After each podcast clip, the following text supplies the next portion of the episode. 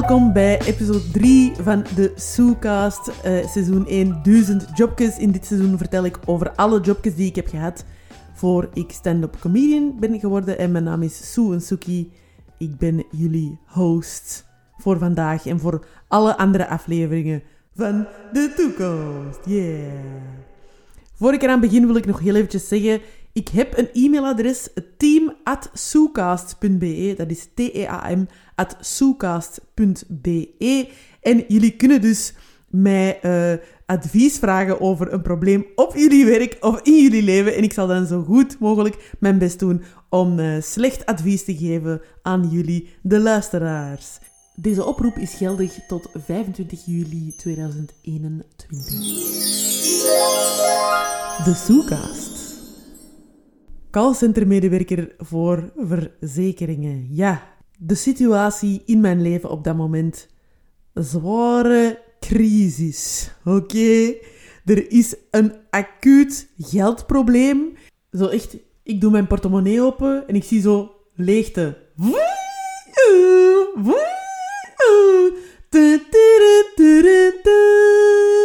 Ja, dat is een Kill Bill deuntje, maar ik mocht dat niet gebruiken voor copyright. En er moet onmiddellijk geld binnenkomen om mijn huur te betalen en gewoon te kunnen bestaan, eigenlijk. Een vriend van mij, een vriend van mij werkt bij een callcenter op dat moment, maar niet in, niet in het callcenter zelf, maar hij is een van de ja, hogere, hogere piffen, of hoe moet ik dat zeggen? Ja, uh, gewoon een andere medewerker die niet elke dag in het callcenter zit, maar gewoon af en toe. En die heeft mijn sollicitatiegesprek geregeld bij de mensen van dat callcenter. Nu, dat sollicitatiegesprek ging heel goed en ik heb meteen die job gekregen. Dus wat moest ik doen? Om dat te kunnen uitleggen, moet ik eerst snel iets uitleggen van hoe verzekeringen werken, heb ik toen geleerd. Dus je hebt giga-verzekeringsbedrijven, laten we dat uh, bedrijf Giga noemen. Ja, er zijn er zo een aantal heel grote op heel de wereld. Bedrijf Giga. En die werken dan samen met kleine onafhankelijke verzekeringskantoortjes. Laten we die bedrijf Mini noemen. En wij als particulieren, wij gaan naar bedrijf Mini om daar een verzekering af te sluiten voor onze auto of voor ons huis of, of whatever, of voor vuur of diefstal en zo van die dingen. Nu, bedrijf Giga wil dat bedrijf Mini tevreden blijft met hun service. Dus bedrijf Giga stuurt uh, tevredenheidsenquêtes naar bedrijf Mini. Oh, sorry, ik was in slaap gevallen door mijn eigen uitleg.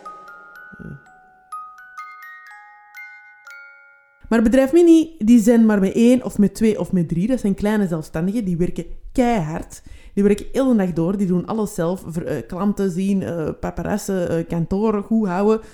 Dus bedrijf Mini heeft heel weinig tijd om de enquêtes per mail te beantwoorden.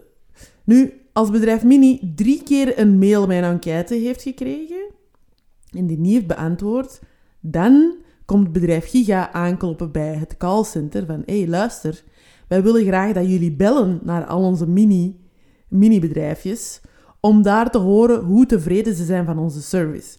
Dus wij moesten mensen opbellen, mini-verzekeringsbedrijfjes, om te horen, zeg, is de, het giga-verzekeringsbedrijf waar jullie mee samenwerken, voldoet dat nog aan jullie eisen? Voilà. Dus je hoort al, niemand zit daar eigenlijk echt op te wachten, want die hebben al drie mails genegeerd en die hebben 10 miljoen andere dingen aan hun kop, want dat zijn kleine zelfstandigen. Dus, en die, die job moest ik dus doen. Dus, dus mensen opbellen om uh, te, te helpen met dingen waar ze niet mee geholpen willen worden. Daar kwam het meestal op neer. Ik had zo'n headsetje, ik voelde me echt zo officieel, zo yeah. Ik heb een headset. Oh shit, ik ben gelijk in de film. Zo. Mensen met headsets, dat zijn mensen die echt werken. Zo. Echt werken. Zo. Niks met je telefoon zo naast je oor houden. Zo. Nee, niet, niet van die shit. Nee. Jij bent hands-free aan bellen met een headset. Ja, weet, dit is, dit is echt zo 15 jaar geleden of zo. Hè? Dat was dan nog, dat was dan nog speciaal, zo 2006, zo yeah. dat was mijn eerste bureaujob. Dus daarvoor had ik enkel horeca gedaan. Eh, en ik, ik, ik kleedde mij ook echt op om daar naartoe te gaan. Dat vond ik wel cool. Van zo, oh, nu moet ik zo'n soort van kantooroutfits hebben of zo. Dus ik deed mijn best ook altijd om naar daar te gaan voor mijn eerste echte kantoorjob. Allee, dat was interim, maar dat was wel mijn eerste echte kantoorjob. Vond ik, vond ik heel cool, dat idee of zo. Wat ik er leuk aan vond. Er waren ook wel heel veel leuke dingen aan het callcenter. Hè? Ook al belden mensen op die niet per se opgebeld willen worden, vond ik dat wel heel leuk van soms met die mensen aan de praat te geraken of zo. Want ja, hoeveel belletjes doe je zo per dag? Afhankelijk van wat voor een dag dat je hebt en van hoeveel mensen er ook echt toe happen op het gesprek. Oh, belde misschien 30 à 60 mensen per dag, denk ik dat het was. Misschien kan ik het niet meer zo goed inschatten, maar 30 à 60 mensen belden zo op een dag, geloof ik. Um, natuurlijk, heel veel mensen gooien gewoon in of zeggen ik heb geen tijd. Uh, en maar soms als je dan aan de praat geraakt met mensen...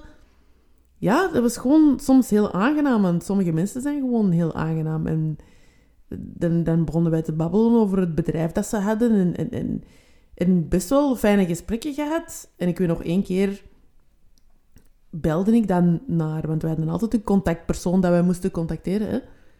En een keer belde ik daarnaar en die persoon was, de contactpersoon die ik belde, was overleden.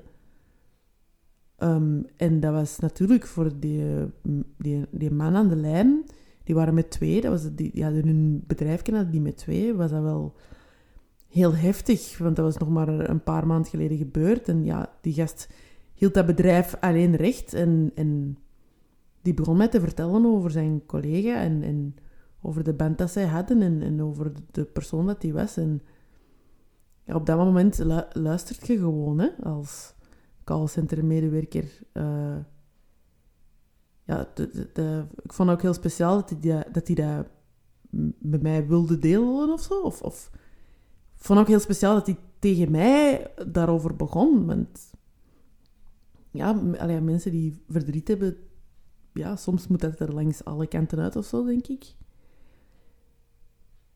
En ja, we hebben natuurlijk die enquête toen niet afgemaakt, maar ja, dat was het op dat moment ook minder belangrijk of zo. Dus op dat moment denk je daar niet aan. Dat was eigenlijk een...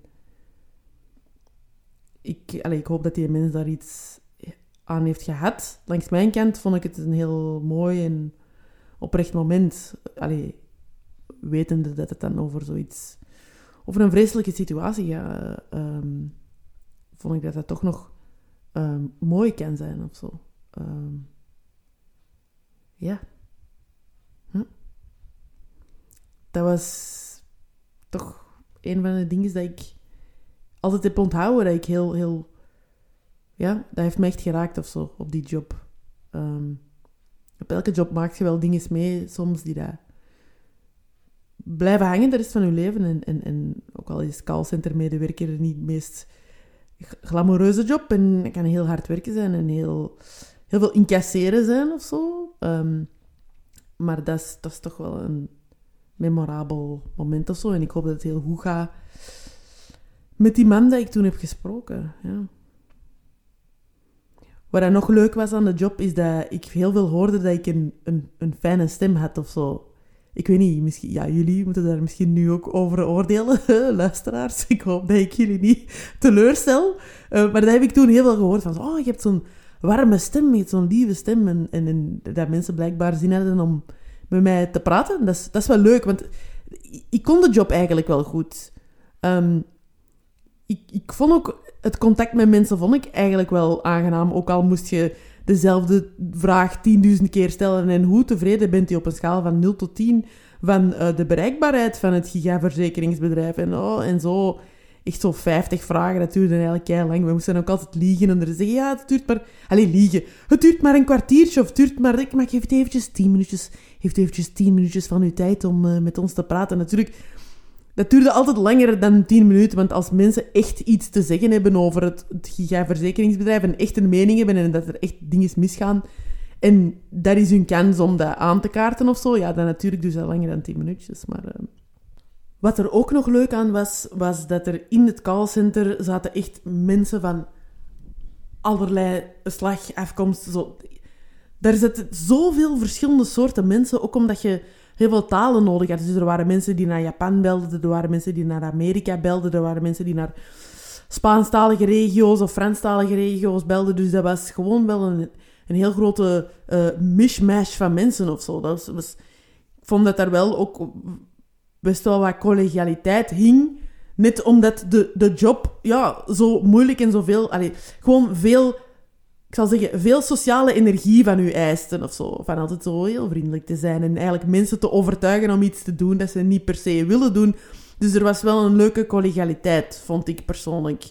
Er veel mensen... Het is niet dat ik nog contact heb met mensen van daar. Nee, eigenlijk, ik heb, ik heb nog contact met mensen van daar. Ehm, en omdat dat net zo een, een, een, ja, een, internationale hub is van allerlei mensen die daar zijn verhuisd van Australië of van Amerika of van Japan of weet ik veel waar. Ehm, dus dat is cool of zo. Dat vond ik heel cool. We gaan het zo meteen hebben over de dingen die ik niet leuk vond aan de job. Oh, het is een waslijst. Na de reclame. Deze aflevering van de Soecast is u gebracht door ongecontroleerd kapitalisme. Bent u het ook beu dat luie mensen geld krijgen? Ziet u de waarde van mensen enkel in eurotekens? Haalt u uw schouders op bij het woord ziel? Dan is ongecontroleerd kapitalisme iets voor u. Ondersteuning door de overheid? Nee. Solidariteit? Bol het af. Nadenken over een systeem waarin grote groepen mensen niet achterblijven? Wie heeft daar nu tijd voor? Ga voor ongecontroleerd kapitalisme, want dat is de beste toekomst voor sommigen. Verkrijgbaar door te bestaan.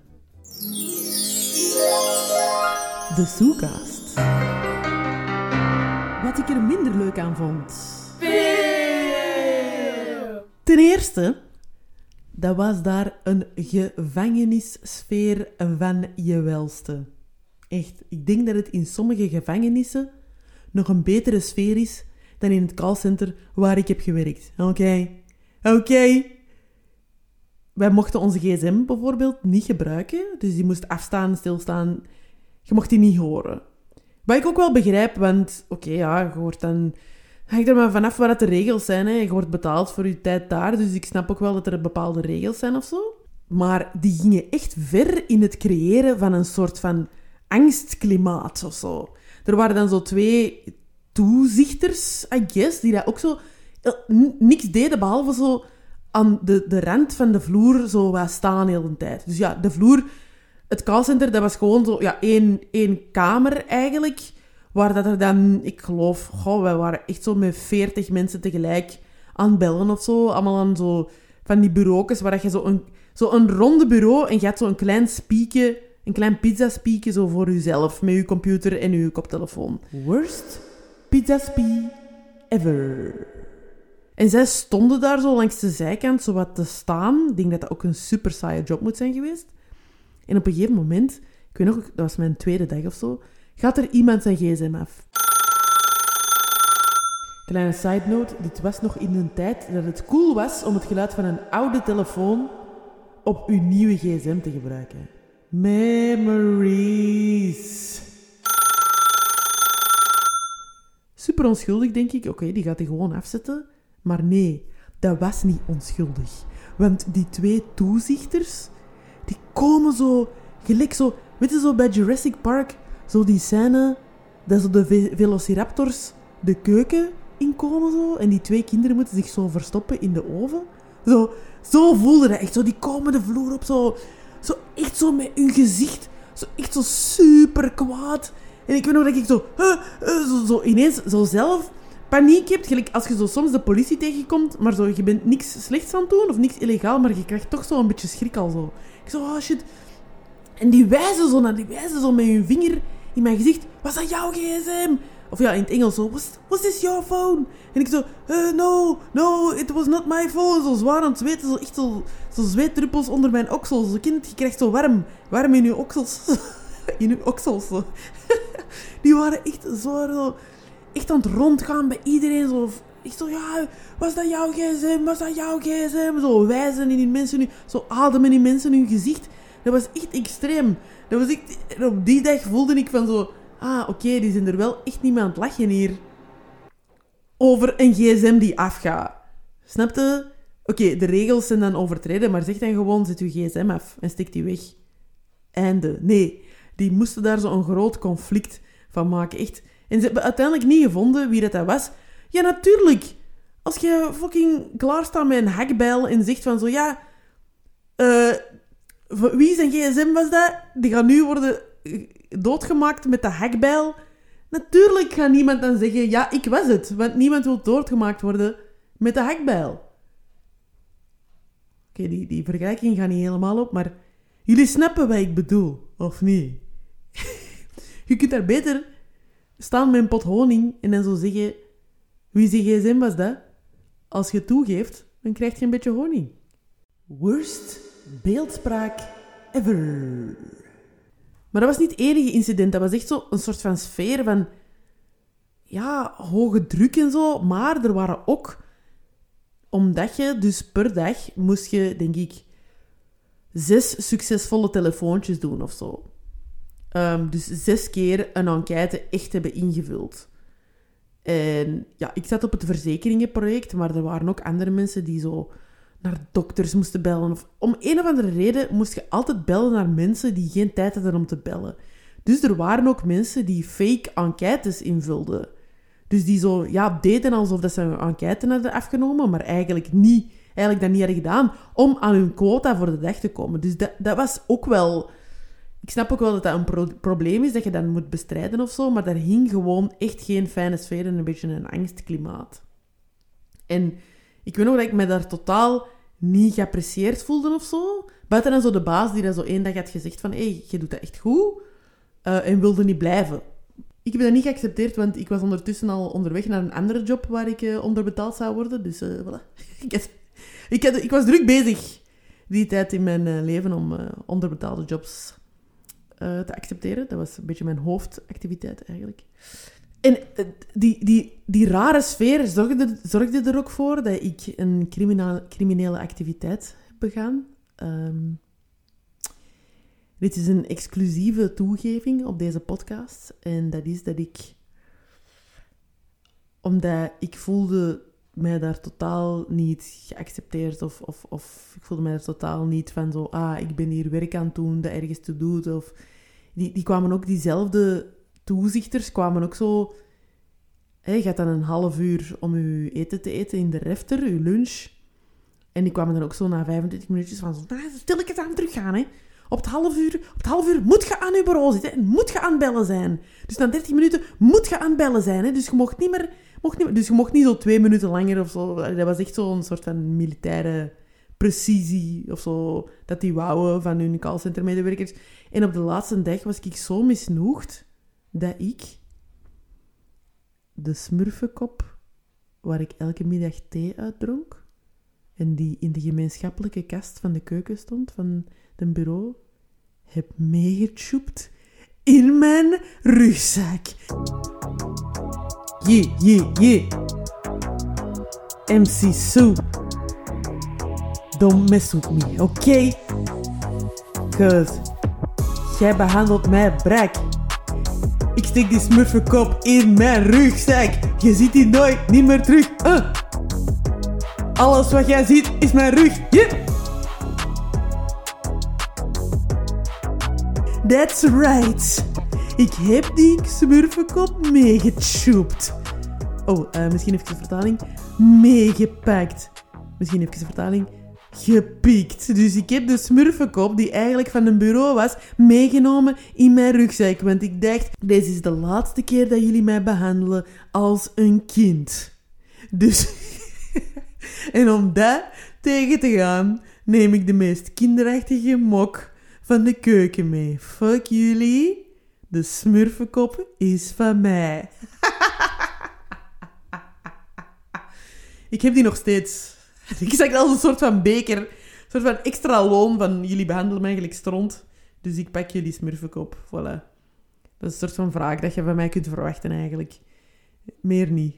Meer niet. Ik ga gewoon een soort van kinderitem stelen of zo uit je huis. Maar meer wraak dan dat kun je van mij niet verwachten.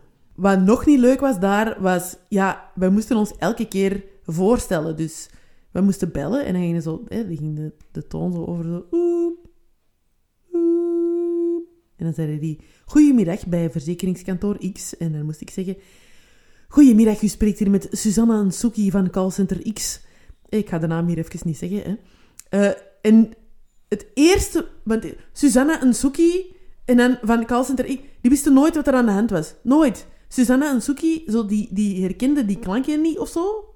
Uh, en die waren altijd zo... Wie? Van wat? Die waren altijd in de war. Dus na een tijd, na dag één, heb ik gewoon mijn naam veranderd naar zo Katrien. Katrien de Bakker. Dus gewoon zo, ik zei altijd zo, ja... Ja, goedemiddag, je spreekt hier met uh, Katrien de Bakker van uh, Callcenter X. En die noemde mij gewoon altijd Katrien. Want na een tijd was ik gewoon Katrien de Bakker, omdat ik dat beu was. Dat mensen zo... Wat, Susanna en Suki, we begrijpen deze naam niet. Uh, dus, voilà. Dat was nog iets dat ik aan mezelf heb moeten aanpassen. Voilà, dus shout-out naar de echte Katrien de Bakkers, die er ongetwijfeld bestaan hier in Vlaanderen. Ik heb jullie naam even gebruikt om uh, toegankelijk over te komen voor de mensen die ik moest bellen.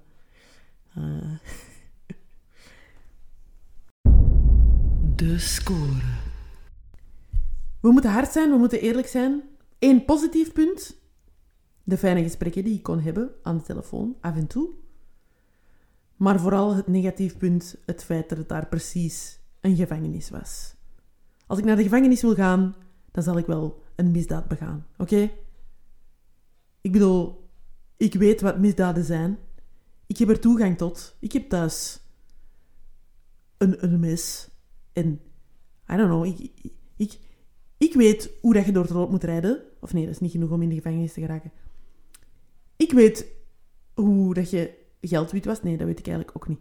Maar in elk geval, ik weet dat ik echt iets kan verzinnen om in de gevangenis te komen. Dus ik weet hoe ik daar moet geraken. Ik wil daar niet geraken door een job te hebben in een callcenter. Alright? De score voor deze job is dan ook een onverbiddelijke 2 op 5. Oh. Voilà, dat was het voor deze Soecast. Lieve luisteraars, bedankt om te luisteren. Um, voor een rubriek die nu nog niet bestaat, namelijk uh, de klachtendienst of, of, of de, de, de, de, de werker van de week, ik weet nog niet hoe ik het ga noemen, zoek ik dus nog steeds mensen die een leuk verhaal hebben op hun werk, of een stom verhaal, of advies willen vragen over iets op hun werk. Dus alles wat werkgerelateerd is mag mijn richting uitkomen op team.soecast.be. Dat is T-E-A-M, apenstaartje S-O-E-C-E-A-S-T.be, team.soecast.be.